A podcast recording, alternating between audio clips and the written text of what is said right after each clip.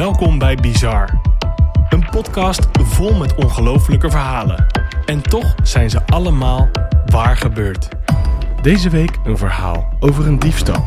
Twee schilderijen worden gestolen en duiken na lange tijd op een onverwachte plek weer op. Van harte welkom bij een nieuwe aflevering van Bizar. Ik zit hier deze week met een hele speciale gast.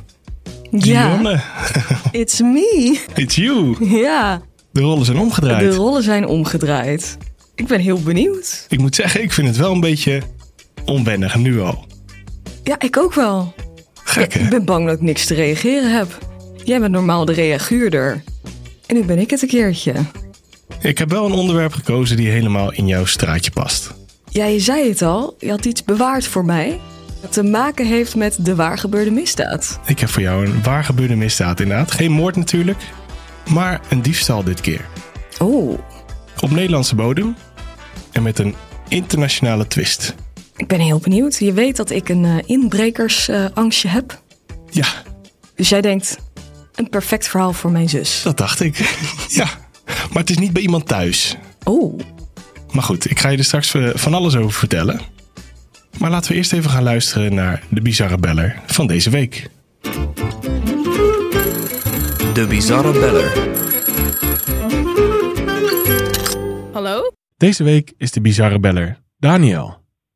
Daniel, van harte welkom. En vertel, wat heb je meegemaakt? Ja, dankjewel. Ehm ja, wat ik heb meegemaakt is toen ik een jaar of 10, 11 was, is mijn opa overleden. Mhm. En hij was nooit echt een muziekliefhebber, maar hij had altijd, eh, hij had altijd één Duits slagernummer, zeg maar, die hij echt helemaal fantastisch vond. Ja. En toen was het in de week dat hij overleden was, is toen oh, twee keer om 12 uur s'nachts, precies die tijd, mijn radio aangesprongen en kwam dat nummer op de radio, terwijl dat het nummer eigenlijk nooit gedraaid werd. Nee, want het is een vrij ongebruikelijk nummer, al mag ik het zo eh, on- oneerbiedig zeggen. Eh, Ja, dat klopt helemaal. Het is dit nummer, hè? Keine Freunde, keine Liebe, keiner denkt an mich das ganze Jahr. Ja, klopt. Dus dat nummer. Klopt helemaal.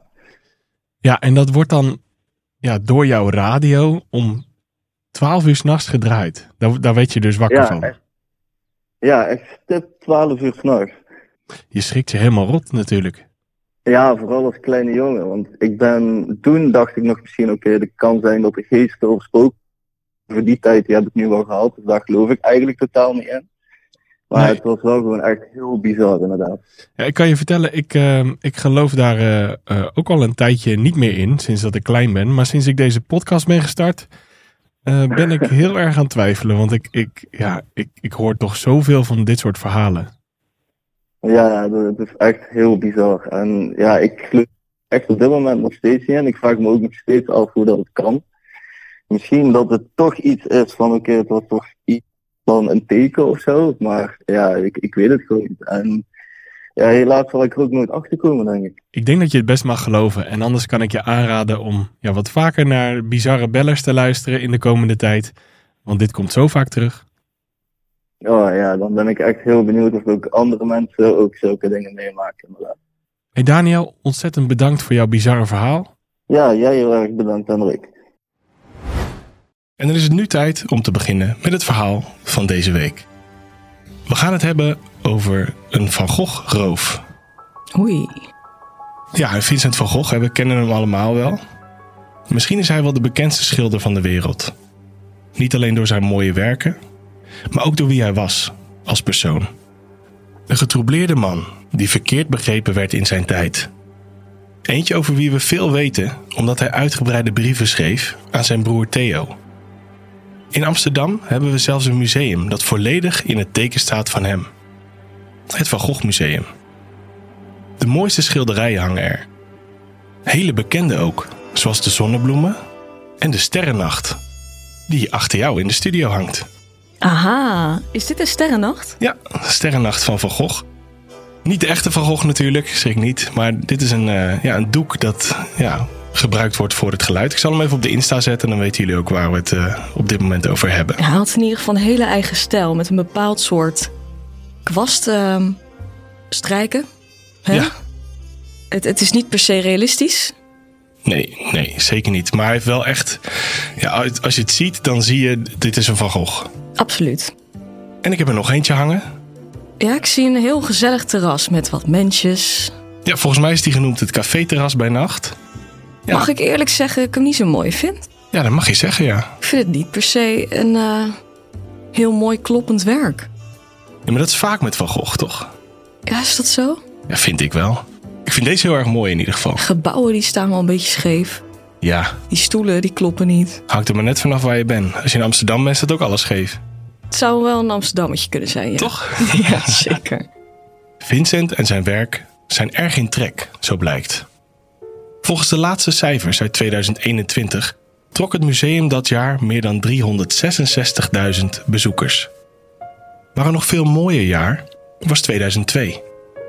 Toen bezochten zo'n anderhalf miljoen mensen het museum over de schilder. Het record staat op 2,1 miljoen in 2016. Maar destijds was 2002 een recordjaar. 2002 noem ik niet voor niks. Voor dit verhaal duiken we terug in dat jaar. En we gaan naar Amsterdam. Stel je voor, het is zaterdag 7 december. Iets voor 8 uur ochtends. Het is een troosteloze, koude dag met van dat typische Hollandse rotweer. Je gaat de deur niet uit als het niet hoeft. Er zijn dan ook nauwelijks mensen op straat in onze hoofdstad. Maar nauwelijks betekent natuurlijk niet niemand. Want op die saaie ochtend rijden er namelijk twee mannen in een busje richting het museumkwartier. Ze stoppen bij de achterkant van een gebouw in de wijk. Ze stappen uit. Op het eerste oog zijn het gewoon mannen die aan het werk zijn. Ze dragen leren jassen en zien er vrij casual uit. De twee stoppen wat gereedschap in hun tas. Vervolgens lopen ze naar een hek. Gewoon twee werkmannen, zou je zeggen. Maar dan klimmen de twee over het hek heen. Beetje vreemd, maar het wordt vreemder. Ze pakken een ladder die in een grote tuinbak ligt en zetten die tegen het gebouw. Een tuinbak? Ja, een grote tuinbak. Ik ga je zo een video laten zien. Ja, waar dit allemaal op staat. Dat is een soort van bak met allemaal planten waarschijnlijk. Ja, op een verhoging. Daarna doen ze beide bivakmutsen op en klimmen ze het gebouw verder op. De mannen werken zich naar de andere kant van het gebouw, achter een soort muur waar niemand ze kan zien.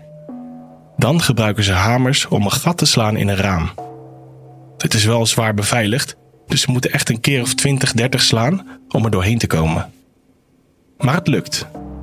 Nadat het raam is ingeslagen, grijpen de mannen hardhandig twee schilderijen die zich dicht bij het raam bevinden. Eigenlijk willen ze de wereldberoemde aardappeleters pakken, maar die past niet door het gat die ze hebben gemaakt. Daarom maar twee andere, kleinere schilderijen.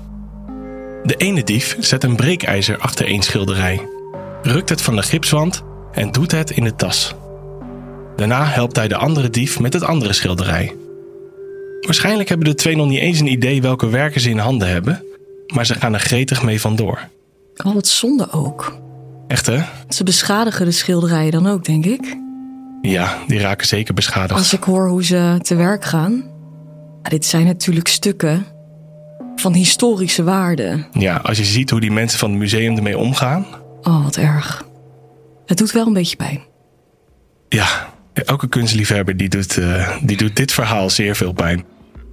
Want met de buit op zak rennen de mannen richting een vlaggenstok die bij de voorkant van het museum staat. Ze hebben daar eerder al een touw aangehangen en daarmee dalen ze af. Tijdens het hele gedoe raakt de ene man zijn been verstrikt in het touw, waardoor hij net boven de grond ondersteboven over de stoep aan het zwiepen is.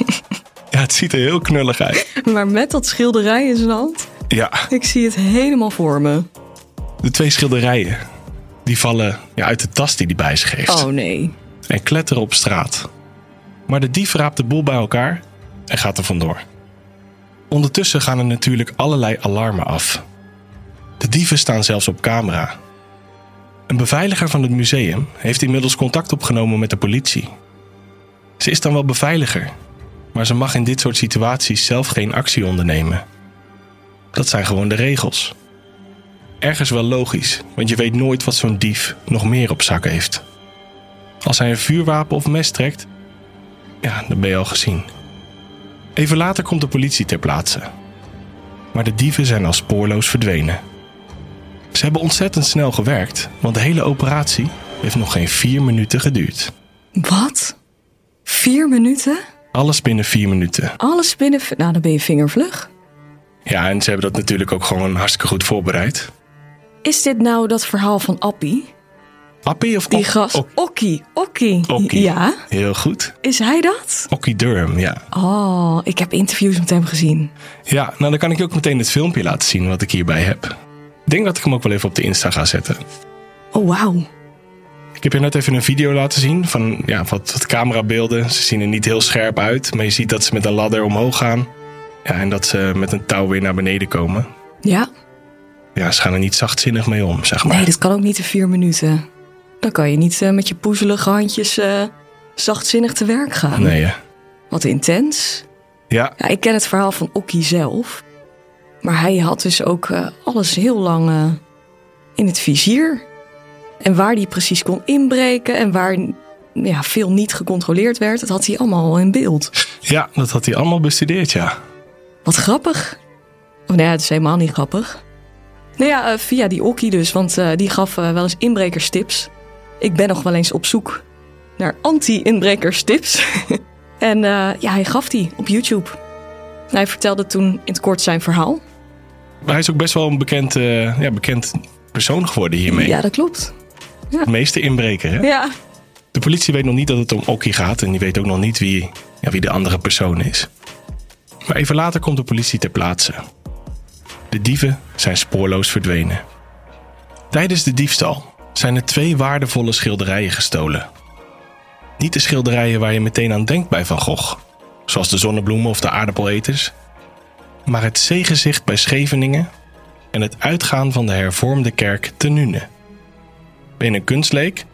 Of weet je er wel iets vanaf zoals ik, maar ja, herkende je deze schilderij ook niet? Kan het zomaar zijn dat het jou ook helemaal niks zegt. Nee, het zegt me helemaal niks. Maar het zijn wel belangrijke werken in het oeuvre van Vincent van Gogh.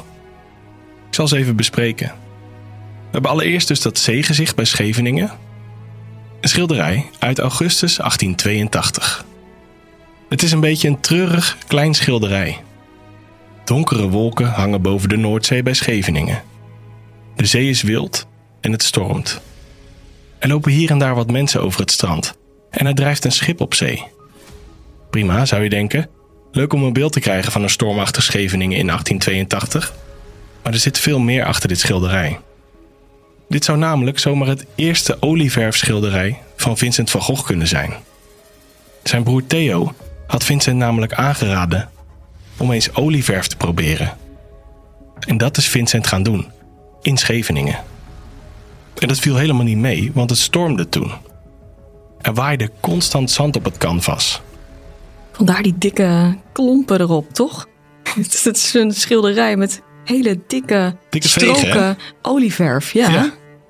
En het mooie is dat je onder de microscoop nog steeds zandkorrels in die verf ziet zitten. Oh, wat tof. Vet hè, dat zijn dus gewoon zandkorrels van 1882 in het schilderij. Er zit een stukje Scheveningen letterlijk in het schilderij verwerkt. En dat is iets wat Vincent waarschijnlijk super irritant vond. Maar juist dit detail maakt het werk zo uniek. Bovendien markeert dit dus mogelijk het begin van een reeks iconische werken met olieverf. Door het werken met dit soort verf wist Van Gogh dat hij een schilder in hart en nieren was. Zo gaat dit schilderij van simpel en mooi naar een onmisbaar stuk met een eigen verhaal. Het andere werk dat is gestolen is minstens net zo onmisbaar uit het museum. Het uitgaan van de hervormde kerk te Nune uit begin 1884. Dit is een bijzonder werk. Want op het doek zie je een klein kerkje in een herfstsetting met kalende bomen. Het is wat donker geschilderd. Op de voorgrond zie je kleine poppetjes, allemaal met donkere kleding aan. Dit schilderij maakte Vincent van Gogh voor zijn moeder. Ze had een ongeluk gehad waarbij ze haar been brak. En dit was een leuk opstekertje. Maar na een tijd na het maken van dit werk voegde Vincent er een extra dimensie aan toe. En dit had te maken met het overlijden van zijn vader. Een jaar na het maken van het oorspronkelijk schilderij. De vader van Vincent was predikant in de gereformeerde kerk. Het specifieke kerkje in dit werk is de kerk waar zijn vader predikte. En als eerbetoon voegde Vincent allemaal kleine mensen toe op de voorgrond. Iedereen in het donker gekleed, alsof ze rouwen. Deze twee werken zijn dus van onschatbare waarde. Dat deze twee zijn gestolen hakte diep in bij het museum en de nazaten van Vincent van Gogh. Bovendien heerst er ook veel verwarring. Wie steelt er in godsnaam twee Van Goghs? Het is niet alsof je ze even op marktplaats kan zetten. Nee, wat heb je er inderdaad aan? Ja, die kunstwereld is zo klein en het is zo moeilijk om zo'n ja, om zo'n kunstwerk te verkopen. Je zou dan denken dat het iemand is die eh, niet al te veel ervaring heeft met kunst. Dat zou je zeggen. Maar het werkelijke motief dat eh, komt nog boven water. Oeh. Je kunt ook niet zomaar aankloppen bij een rijke kunsthandelaar. Want die gaat zich geheid afvragen hoe je twee echte Van Goghs in bezit hebt. En dan val je als dief al snel door de mand. Er zijn dus veel vragen naar waarom deze werken zijn gestolen. De politie denkt dat het waarschijnlijk professionele dieven zijn geweest. Maar voor professionals hebben ze toch aardige amateurfouten gemaakt. Zo lag er in de hele ravage, tussen het gebroken glas, nog een zwart met grijze muts van Nike. En dat is niet het enige. Bij de vlaggenstok buiten lag er een zwarte pet, doordat die ene dief verstrikt raakte met zijn hoofd net boven de grond Ja, aan het dat- zwiepen was. Wat krijg je ervan? Ik heb nog steeds dat beeld in mijn hoofd. maar hoe, hoe groot waren die schilderijen uiteindelijk? Het zeegezicht bij Scheveningen is 36,4 bij 51,9 centimeter groot. En het uitgaan van de hervormde kerk ten Nune is 41,5 bij 32,2 centimeter groot. Ja, dat zijn wel echt kleine schilderijtjes. Ja, dus die paste dan wel door dat gat. Ja, en door in je rugzak. Hè? Ja, ik kon ze makkelijk meenemen. Maar de politie dacht dus dat het eh, professionals waren. Maar ze hebben echt domme fouten gemaakt. Ze hadden die pet gevonden en in die pet zat een haar. En daar kun je weer DNA uithalen. Dat wordt natuurlijk getest en leidt naar mannen die al een tijdje op het verkeerde pad zitten. Beide hebben al strafbare feiten op hun naam. Eentje is Henk Bieslijn. De ander is Octave Durham. Okkie. Inderdaad. Okkie is geboren in Amsterdam en staat bekend als een professionele inbreker. Is ook goed te horen dat hij uit Amsterdam komt, hè? Zo, ja, nee, bij zijn eerste twee woorden weet je het al. Goed accentje. Ja, ja, die zit er goed in. In februari 1998 pleegde hij al een kluiskraak in Den Helder. Hoewel het duidelijk is dat deze man samen met een handlanger twee kostbare schilderijen heeft gestolen, houdt de politie hem niet gelijk aan. Ze willen eerst wat meer informatie ontfutselen. Dit doet de politie door Okkie te volgen en te observeren. Heel slim, want dat is in dit geval waarschijnlijk de beste manier om meer te achterhalen over de locatie van de schilderijen. De politie kijkt naar Okkie's gedragspatronen. En daarbij specifiek naar hoeveel geld hij uitgeeft. Want wie een Van Gogh heeft verkocht of heeft gestolen in opdracht van iemand, die moet veel centjes hebben. En ja hoor, de politie komt erachter dat de mannen allerlei dure dingen kopen. Denk aan horloges, dure auto's, luxe vakanties naar bijvoorbeeld New York. Dat er veel geld in het spel is, blijkt ook nog eens uit een afgeluisterd telefoongesprek uit maart 2003. Okkie heeft het over de 50.000 euro die hij en de ander zouden krijgen voor de schilderijen. Er wordt ook gezegd dat dit slechts de helft zou zijn van wat ze zouden krijgen. Uit een ander telefoongesprek blijkt dat Okkie begin 2003 heeft geprobeerd om de schilderijen door te verkopen aan iemand uit de Amsterdamse onderwereld. En dat is een zeer bekende naam. Het gaat namelijk om niemand minder dan Flipper. Oftewel, Cor van Hout. Het brein achter de Heineken-ontvoering. Okkie zegt tegen hem: Ik heb twee Van Goghs voor je. Cor wil ze wel kopen, dus de twee spreken een prijs af. Maar op de dag dat Cor wil gaan betalen, wordt hij geliquideerd. Een heftige moord in de onderwereld. En eentje waardoor Okkie een probleem heeft. Want nu heeft hij niemand meer aan wie jij de Van Goghs kan verkopen. En op subtiele wijze een koper vinden voor zoiets, ja, dat is echt heel lastig. Uiteindelijk lukt het wel. Zo blijkt uit weer een afgeluisterd telefoongesprek. Wat dom dat hij dat allemaal zo per telefoon doet ook. Ja, hè? Ja, vind ik wel een beetje... Ja, maar hij denkt dat hij, ja, dat, dat hij gewoon is weggekomen. Ja, Hij, hij weet niet dat de politie hem op het spoor is. Dus maar hij is ook nog nooit door de politie ingerekend voor iets anders. voor iets anders zeker wel. Maar dan moet je toch eventjes op je tellen passen. Nou ja, hij is vrij roekeloos wat dit betreft. Maar goed, hij is nog niet, eh, ja, hij is nog niet gepakt. Nee, dat niet. Okkie spreekt dus in dat afgeluisterde telefoongesprek over het moment dat hij de schilderijen verkocht. Het gebeurde in Matzo in Amsterdam. Ja, ik ken het. Niet in de zin van ik heb het van binnen gezien, Nee? maar ik ken het van naam. Joh. Nou, daar heeft hij eh, de schilderijen verkocht. Aan een vage man die zichzelf Pinocchio noemde. Dus dan denk je, ik neem deze twee schilderijen eh, casual eventjes mee eh, op pad. Discotheek in. Ik denk het wel, ja. Oké. Ja, want daar is hem ook het geld overhandigd. Aan dus een man die zichzelf Pinocchio noemde. Maar daarom ja, is het ontzettend lastig om hem en de schilderijen terug te gaan vinden. Nou, niemand verwacht ook dat je daar eh, de transactie eh, doet. Ondertussen heeft de politie genoeg bewijs om de mannen, Henk en Okkie, te arresteren. Eind 2003 gaat de politie langs bij Okkie's appartement. Ze zetten de hele boel rond het kleine flatgebouw af, want ze weten dat Okkie wel eens zou kunnen vluchten. Okkie hoort dan een klap en denkt: shit, ik moet weg. En ondanks alle agenten rond zijn huis weet hij toch op het dak te komen Hou op. en vervolgens te vluchten naar Spanje via België. Wat is dit voor Ninja? Echt hè? Heel zijn huis omsingeld door politie. En hij zit diezelfde avond nog in Spanje. Zo- een soort Houdini 2.0 of zo. Ja, en of dat dan niet bizar genoeg is, volgens zijn eigen verklaring weet hij in Barcelona te komen. En hij komt daar een vriend tegen. Voetballer Patrick Kluivert. Het is echt net alsof ik een verhaaltje aan het verzinnen ben. Hij komt daar Patrick Kluivert tegen. Hij komt daar Patrick Kluivert tegen, dat is een vriend van hem. En die speelt bij FC Barcelona de Sterren van de Hemel. Okkie vertelt hem dat hij op de vlucht is voor politie.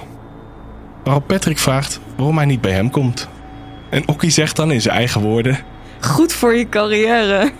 Ja, dat, dat, Dat dat, doe je toch niet? dat is ook exact wat Okkie gaat zeggen. Hij zegt, als iemand me bij jou pakt, dan kom je in alle kranten van de wereld. Maar Patrick zegt, ja, dat kom ik nu toch al. Hij is natuurlijk de sterspeler van Barcelona. Nog wel, ja. Ja, Maar wat een schandaal. dus volgens Okkie is dit zo gebeurd. En gaat hij een tijdje bij de topvoetballer ja, logeren. Hou op. En voor Patrick is de dief gewoon een oude gabber uit de buurt. Ah, dan ben je zelf ook een beetje een boefje, hè? Maar uiteindelijk wordt Okkie dan toch opgepakt. Niet in Barcelona, maar wel bij de bekende Spaanse badplaats Marbella. In 2005 wordt hij veroordeeld tot 4,5 jaar gevangenisstraf en een schadevergoeding van 350.000 euro aan het Van Gogh Museum.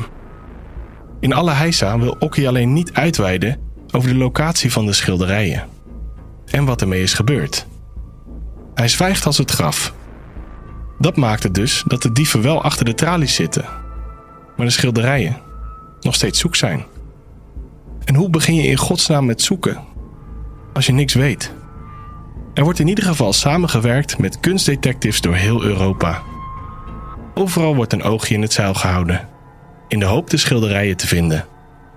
Af en toe komt er wat informatie binnen, maar die leidt uiteindelijk nergens toe. Het onderzoek loopt helemaal vast. Maar dan, op een gegeven moment, is er iets wat meer informatie zou kunnen geven over wat er met de Van Goghs is gebeurd. De informatie komt uit Rome. In de Italiaanse hoofdstad werden eerder ook al twee Van Goghs gestolen, eind jaren 90. Naast de twee Van Goghs werd er ook een schilderij van Paul Cézanne gestolen. Voor het stelen van de werken werden beveiligers vastgebonden. Na de gebeurtenis wordt er een onderzoeksploeg opgezet. Die is gespecialiseerd in kunst. De onderzoekers geloven dat iemand van binnen het museum de dieven moet hebben geholpen. En dat blijkt waar te zijn. Via deze mol is de hele dievengroep geïdentificeerd. Maar in Rome liepen ze tegen hetzelfde probleem als in Amsterdam aan. De schilderijen waren spoorloos. Na een tijdje kwam er in Rome wel een aanknopingspunt binnen. Naar aanleiding daarvan werden er twee flats in de stad doorzocht. En ja, één schilderij van Van Gogh en het schilderij van Cézanne werden gevonden. Hoewel er dan nog één Van Gogh spoorloos is, is dit al een hele overwinning. En dan komt diezelfde onderzoeksgroep in 2007 een aanknopingspunt op het spoor over de gestolen werken uit Nederland. Het is allemaal wel heel vaag, omdat er vanuit de Italiaanse autoriteiten weinig over gezegd mag worden. Het is wel duidelijk dat er een operatie in gang wordt gezet, maar wat er allemaal gebeurt, daar mag niet over worden gesproken. Nou, dan is waarschijnlijk eh, de manier waarop ze die informatie hebben vergaard niet helemaal eh, rechtsgeldig eh, verkregen. Daar zijn inderdaad wel verhalen over. Zo zouden Italiaanse politiemannen zich verkleden als Napolitaanse pooiers. Zij zouden dan geïnteresseerd zijn in het kopen van de schilderijen. En het is natuurlijk maar de vraag wat, hier, ja, wat hiervan waar is, maar ja, het klopt wel wat je zegt. Waarschijnlijk zijn er dingen gebeurd die niet helemaal. Ja, net een grensje overgaan. Ja. Wel worden er in Napels 104 mensen opgepakt om andere redenen. Het heeft alles te maken met de onderwereld daar. En die is ongekend hard. In Napels heb je namelijk een maffiagroep, genaamd de Camorra. Een van de oudste criminele organisaties van Italië. Als je de gelijknamige serie hebt gezien op Netflix, dan weet je dat deze mafioso's absoluut meedogenloos zijn. In 2004 is het al helemaal heftig. Dan woedt er een bendeoorlog, de meest heftige in Napels ooit. Er vallen 120 doden. Echt enorm veel. En naar aanleiding van deze oorlog worden dus meer dan 100 mensen opgepakt. Deze mensen houden zich echt bezig met zware delicten. Denk aan witwassen, drugshandel, afpersing, prostitutie en moord. Dingen waar je flinke straffen voor kan krijgen. En uit angst voor die flinke straffen gaan sommigen met de politie samenwerken als informanten. Wie weet halen ze daar nog een lagere straf uit. En een van die informanten vertelt dat hij drugs heeft gekocht van een Italiaan die in Amsterdam woont. Zijn naam? Raffaele Imperiale. Een grote naam in de drugshandel. Raffaele is in de jaren 90 naar Amsterdam verhuisd en hij heeft hier een koffieshop geopend. En van het een komt het ander. En hij begint langzaamaan grote hoeveelheden drugs te transporteren voor de Camorra. En dan hebben we het niet alleen over wiet, die bij ons in coffeeshops gewoon mag worden verkocht, maar ook over drugs zoals cocaïne. Het grootste deel van de coke die de Camorra bereikt, komt van Raffaele. We hebben dus een Italiaan in Amsterdam die sterke banden onderhoudt met de Camorra. Maar wat heeft dat dan weer te maken met die gestolen Van Goghs? Dat blijkt uit een brief die de Italiaanse autoriteiten in september 2016 bereikt. De brief komt van Raffaele zelf, die zich op dat moment in Dubai bevindt. Italië heeft dan nog geen uitleveringsverdrag met dat land. In de brief vertelt Raffaele hoe hij in de drugshandel is geraakt. Dat is in ieder geval niet omdat hij uit een kansarm gezin komt. Hij komt namelijk uit een prachtig plaatsje niet ver van Napels, Castellamare di Stabia. Zijn vader is een belangrijk zakenman in het stadje, waardoor Raffaele prima aan een baan had kunnen komen, maar zo zag hij zelf zijn toekomst niet. Hij wilde wat meer avontuur, dus verhuisde hij naar Amsterdam. In de brief vertelt Raffaele ook hoeveel hij verdient. Vele, vele miljoenen per jaar. Aan het eind van de brief gaat hij in op belangrijke bezittingen die hij heeft en op zou willen geven aan de autoriteiten. Tussen die bezittingen zitten ook twee Van Gogh schilderijen die hij in 2002 heeft gekocht. Hij zegt er zo'n 5 miljoen euro voor te hebben betaald. Iets wat waarschijnlijk een beetje bluff is, want volgens Okki is er slechts een ton neergelegd voor de schilderijen. En dan begint het besef wel in te dalen, denk ik. Dit is onze man, Pinocchio. En hij heet eigenlijk Raffaele Imperiale. Een hele grote naam in de wereld van de drugshandel. En de vraag is nu waarom Raffaele zelf een brief zou sturen met dit soort info. Waarom zou je jezelf zo verlinken? Dit heeft allemaal te maken met een clausule in het Italiaanse rechtssysteem. Volgens die clausule kun je waardevolle goederen ruilen voor gevangenisjaren. Je kunt er als het ware mee afdingen op je straf. Dan is zo'n schilderij natuurlijk wel iets waar die autoriteiten op- op afkomen. Ja, dat is echt iets wat je, ja, wat je in kan zetten, gewoon om je straf te verlagen. Dus dat is voor criminelen natuurlijk Ja, want ge- geld is geld, maar zo'n waardevol stuk. Ja, dat willen de autoriteiten natuurlijk terug. Je hebt echt iets ja, wat, wat- ja, wat, wat de cultuurwereld terug wil. Want Raffaele heeft dus net gehoord dat hij, ondanks dat hij bij de Italiaanse autoriteiten spoorloos is, wordt veroordeeld tot 20 jaar cel wegens drugshandel en witwaspraktijken. En dan zet hij dus die brief in om die straf te reduceren. Ja, hij dacht, oké, ik ga naar Dubai, of hij zat er al. En hij denkt, nu ga ik onderhandelen ja, over mijn straf. En omdat de Van Goghs eh, ja, van zulke onschatbare waarden zijn eigenlijk... dacht hij waarschijnlijk dat hij volledig kon worden vrijgesproken. Raffaelle wijst vervolgens zelf de plaats van de schilderijen aan. Het huis van zijn vader in Castellamare di Stabia. De politie gaat naar het huis van Raffaelle's vader en doorzoekt de woning. En in de keuken is een dubbele vloer. En dan zijn de Van Goghs na 14 jaar weer teruggevonden.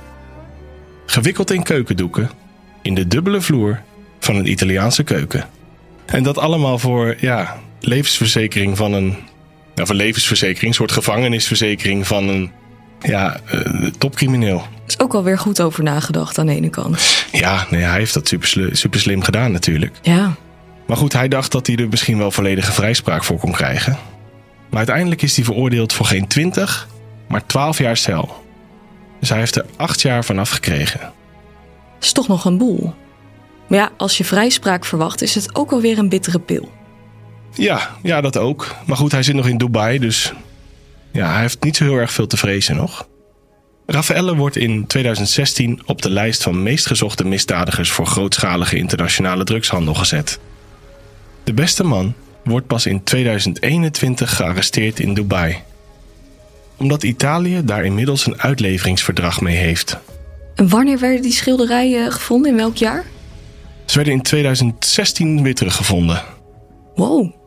Ze zijn 14 jaar zoek geweest. Ja, En dan pas weer jaren later, twee jaar geleden pas, is Raffaelle is die is opgepakt. gepakt. Ja, Jeetje. door dat uitleveringsverdrag. En de Van Goghs, die zijn terecht. Die zijn weer terecht, ja. Het heugelijke nieuws bereikt Amsterdam. De schilderijen zijn weer teruggevonden. De hervonden werken worden live gepresenteerd in het Capo di Monte Museum in Napels. Een mooie dag, waarbij ook de directeur van het Van Gogh Museum aanwezig is. Vervolgens worden de werken weer naar Amsterdam gebracht, waar ze door professionals worden gerestaureerd waar nodig. Dieven gaan doorgaans niet zo voorzichtig om met schilderijen. En dat is heel goed te zien aan het zeegezicht bij Scheveningen. Want links onderin ja, mist er gewoon een heel stuk verf. Oh nee.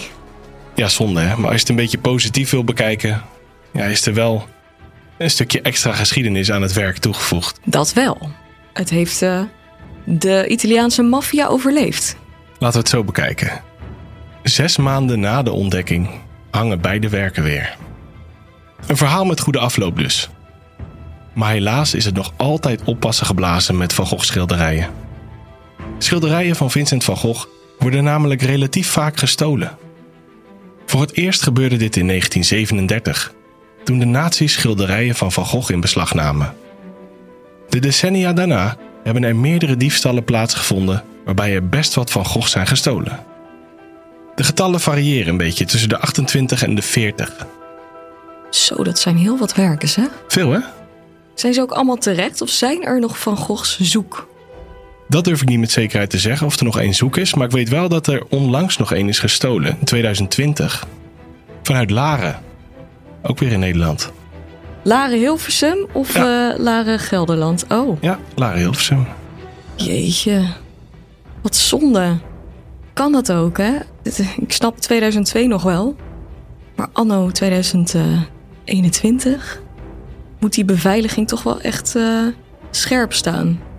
Maar je vraagt je af, waarom deze schilderijen? Want aan het begin zeiden we al dat ze echt niet zomaar door te verkopen zijn. En niet ieder land heeft natuurlijk zo'n clausule als Italië. Het heeft alles te maken met valuta. Wij betalen met euro's. In Engeland betalen ze met de pond. Maar in de criminele wereld wordt er soms betaald met peperdure schilderijen. Het is als een soort ruilmiddel. Vaak kun je iets ruilen wat 10% van de waarde van het schilderij is. Ja, even een makkelijk voorbeeld. Stel je hebt een schilderij van 10 miljoen euro gestolen. Dan kun je die omruilen voor 1 miljoen euro. Dit kunnen natuurlijk biljetten zijn. Maar bijvoorbeeld ook 1 miljoen euro aan wapens of drugs. Het is niks meer dan een simpele ruilhandel. En omdat Van Gogh zo immens populair is, is zijn werk ook superveel waard. En daarom azen criminelen natuurlijk op zijn schilderijen. Zo'n schilderij wordt dan meestal ook meerdere keren doorgeruild. Vandaar dat het op de meest willekeurige plekken weer op kan doemen. Het is een treurig gegeven voor de kunstliefhebber. Mooie kunstwerken worden gestolen en komen in handen van mensen die er niet zachtzinnig mee omgaan. In dit geval werd het in een dubbele vloer gestopt. Maar het kan veel erger. Zo werden er in Horen in 2005 24 mooie bekende werken gestolen.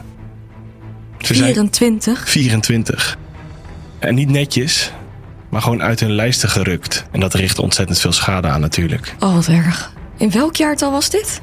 Dit was 2005. Hè? Hoe krijg je het nou voor elkaar om in 2005 24 schilderijen te jatten? Ja. Ja, los van dat het ontzettend veel schade aanricht. Na een jaar werden sommige van de schilderijen al wel gevonden. Maar de rest in 2016 in Oekraïne. Toen pas. Ja. Wauw. Bij onder andere mensen van de inlichtingendienst en regeringsfunctionarissen Wat? in Oekraïne. Ja. Hoe dan? ja, precies. Hoe dan? Zo zie je dus wat voor weg die schilderijen kunnen afleggen. Wauw. En uiteindelijk gebeurt dat meestal ook wel. Dat werken worden teruggevonden. Er zijn namelijk allerlei onderzoekteams actief die onderzoek doen naar gestolen kunst. Vaak vangen ze een keer wel iets op wat leidt tot een aanknopingspunt. In de onderwereld wordt er zoveel gepraat onder criminelen dat iemand wel eens iets laat vallen waar wat mee kan worden gedaan. En dan doemt zo'n schilderij soms zomaar op. Alleen is er wel haast bij geboden, want hoe langer zo'n schilderij in handen is van foute mensen, hoe meer schade er kan worden aangericht. En die ja, is vaak niet meer terug te draaien. Gelukkig hangen de waardevolle Van Goghs van dit verhaal in elk geval weer netjes in het museum. Ik heb nog wel één vraag. Ja, How about Okkie? how about Okkie? Ja, Okkie is volgens mij nog steeds zijn boete aan het afbetalen. Die heeft een boete van 3,5 ton gehad, die hij terug moet betalen aan het museum. En hij heeft gezeten. En hij heeft zijn straf uitgezeten. Als meesterdief wordt hij nu neergezet. Hij is wel echt trots op, eh, op wat hij heeft gedaan, hè? Hij zegt van niet, maar hij praat er wel heel graag over. Dat was het verhaal van de Van, de van Gogh roof. Super interessant. Jij kende hem al een beetje. Ik ken hem wel een beetje, ja. En dat komt door Okkie, die er zoveel over heeft gepraat. En omdat hij een keertje, ja, tips ging geven voor mensen tegen inbraken. En dat heb ik gezien en toen ver- vertelde hij dus over zijn verhaal, hoe hij het had uitgedacht. Ja, wat hij allemaal heeft moeten eh, doen voor die schilderijen. Ja, en ook een stukje over wat er uiteindelijk met de schilderijen gebeurd is. En dat het inderdaad als een soort ruilmiddel wordt gebruikt. Maar er is veel, veel over te vinden op YouTube. Ja, onwijs veel volgens mij. En mocht je geïnteresseerd zijn geraakt in nog meer informatie hierover, ja, zoek het op op YouTube, want het is echt wel even de, de moeite waard. Het is toch een verhaal? Kon Vincent van Gogh dit zelf maar vertellen op de verjaardagen aan de kaas en worst? Ja, nou, Het is toch jammer? Ja, bijzonder. Mooi, maar wel eigenlijk een beetje verdrietig verhaal. Die werken zijn wel beschadigd, maar daar zit dan ook alweer een verhaal achter. We gaan afsluiten, denk ik. Ja, ik vond het leuk om een keertje te gast te zijn bij jou. Volg je Bizar nog niet op Instagram? Kun je dat even doen? @bizarpodcast. Hier plaats ik ook foto's van alle verhalen. En mocht je nou een suggestie hebben voor een volgend verhaal, laat het me daar ook even weten. En heb je nou zelf iets bizars meegemaakt en wil je dat kwijt voor de bizarre beller? Stuur me even een DM met je telefoonnummer. Voor nu allemaal ontzettend bedankt voor het luisteren en heel graag tot volgende week.